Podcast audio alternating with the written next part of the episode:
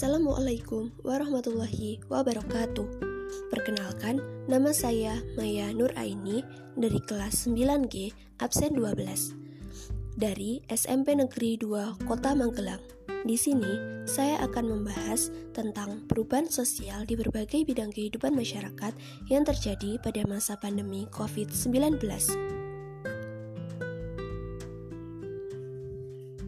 Yang pertama, adalah perubahan ekonomi. Penerapan berbagai metode pencegahan penularan juga telah diterapkan di berbagai negara, mulai dari pembatasan sosial dan fisik, karantina rumah, penutupan perbatasan antar negara, dan penghentian seluruh transportasi dan mobilitas manusia. Konsekuensi dari berlakunya pembatasan sosial dan karantina dalam skala masif ini adalah terbatasnya kegiatan ekonomi yang mempengaruhi kehidupan dan penghidupan warga, bukan saja di kota-kota yang dikarantina, tetapi seluruh jaringan ekonomi dan finansial di seluruh Indonesia. Apalagi pandemi COVID-19 telah melanda seluruh negara industri dunia, bahkan telah membatalkan seluruh penerbangan komersial berpenumpang, jelas telah mengawali terjadinya depresi ekonomi skala global di masa depan dalam hitungan hari. Di satu sisi, masyarakat haus akan informasi kekinian agar mereka tetap mengetahui perkembangan terakhir, tetapi di sisi lain, transportasi informasi dari otoritas yang sah kadang diragukan karena berlapisnya kepentingan politik dan struktur birokrasi informasi dari tingkat praktis di lapangan sampai pada sumber pengambilan keputusan kebijakan pemerintah. Yang kedua, komunikasi. Perlu direnungkan, social distancing atau menjaga jarak tidak membuat kita mati gaya hanya belum sepenuhnya terbiasa dalam keseharian hidup pada pengalihan ruang fisik ke ruang virtual. Komunikasi digital sangat dekat di sekitar kita yang sebenarnya berkontribusi besar kita tetap bisa bersosialisasi melalui berbagai media di era globalisasi ini yang menuntut pada kecanggihan komunikasi digital untuk tetap berinteraksi sosial. Media-media yang tersedia dapat dimanfaatkan sebagai media pemasaran, media interaksi, media pembelajaran.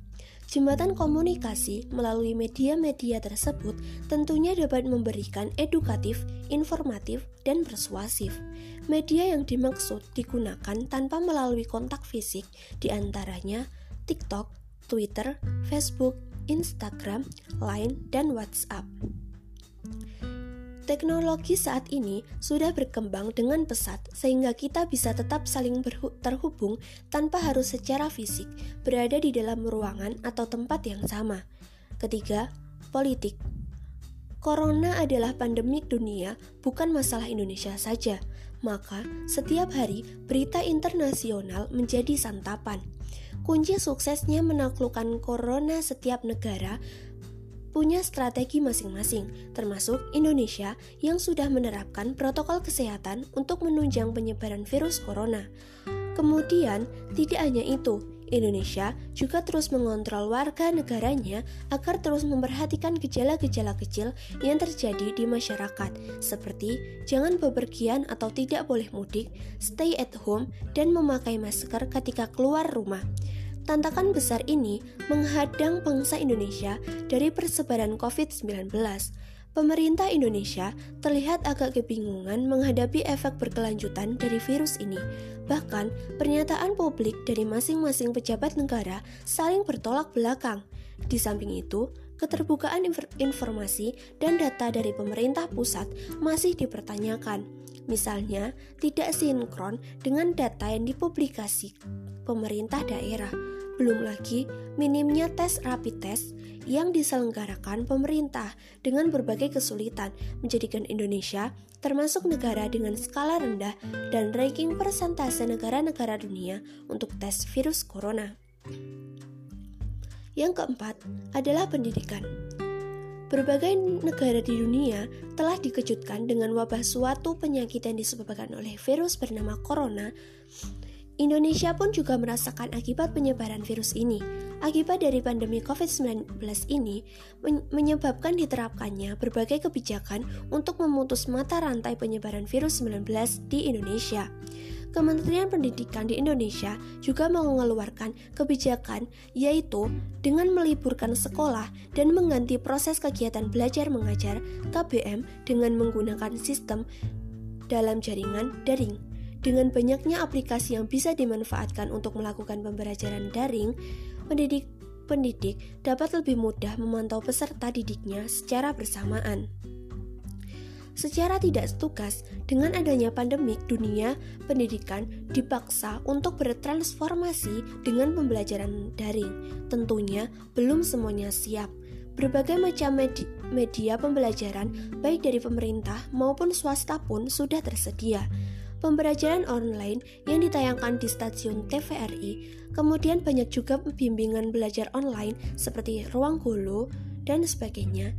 Itu juga itu semua juga memerlukan dukungan dari orang tua bagaimana memantau anaknya, mengatur waktunya, dan lain halnya. Media tersebut dapat menunjang kualitas pendidikan karena pendidikan juga merupakan tolak ukur keberhasilan pembangunan negara. Dengan pendidikan, maka akan muncul generasi yang lebih cerdas, terampil, kreatif, dan lebih unggul. Namun, dengan adanya perubahan pembelajaran di masa pandemi ini, muncul polemik masyarakat. Pembelajaran daring tidak mudah bagi pendidik maupun peserta didik. Pendidik harus bisa bagaimana caranya materi bisa tersampaikan dan mudah ditangkap oleh peserta didik. Model pembelajaran daring bisa disesuaikan dengan, jenjang kebutuhannya, namun dengan hal tersebut akan sedikit berdampak pada tekanan fisik maupun mental tentunya. Pada, pada pandemi seperti ini, merupakan peluang dalam pendidikan. Secara tidak sadar, kita menjadi terbiasa dengan pemanfaatan teknologi seiring dengan industri 4% peran orang tua. Peran orang tua sangat dibutuhkan, mendampingi sang anak belajar dari rumah seperti menjadi guru di rumah selama masa pandemi. Tentunya, pembelajaran daring juga memiliki tantangan sendiri. Masalah soal akses internet. Bagi mereka yang tinggal di daerah pelosok, ini menjadi masalah utama. Banyak tantangan yang lainnya, seperti pendidik harus melek teknologi, mampu menyajikan pembelajaran yang terencana dan efektif dengan waktu yang terbatas, kesiapan siswa dalam mengikuti pembelajaran, fasilitas seperti handphone dan akses internet, dan lain sebagainya. Demikian apa yang dapat saya sampaikan. Apabila ada kekurangan, mohon dimaafkan.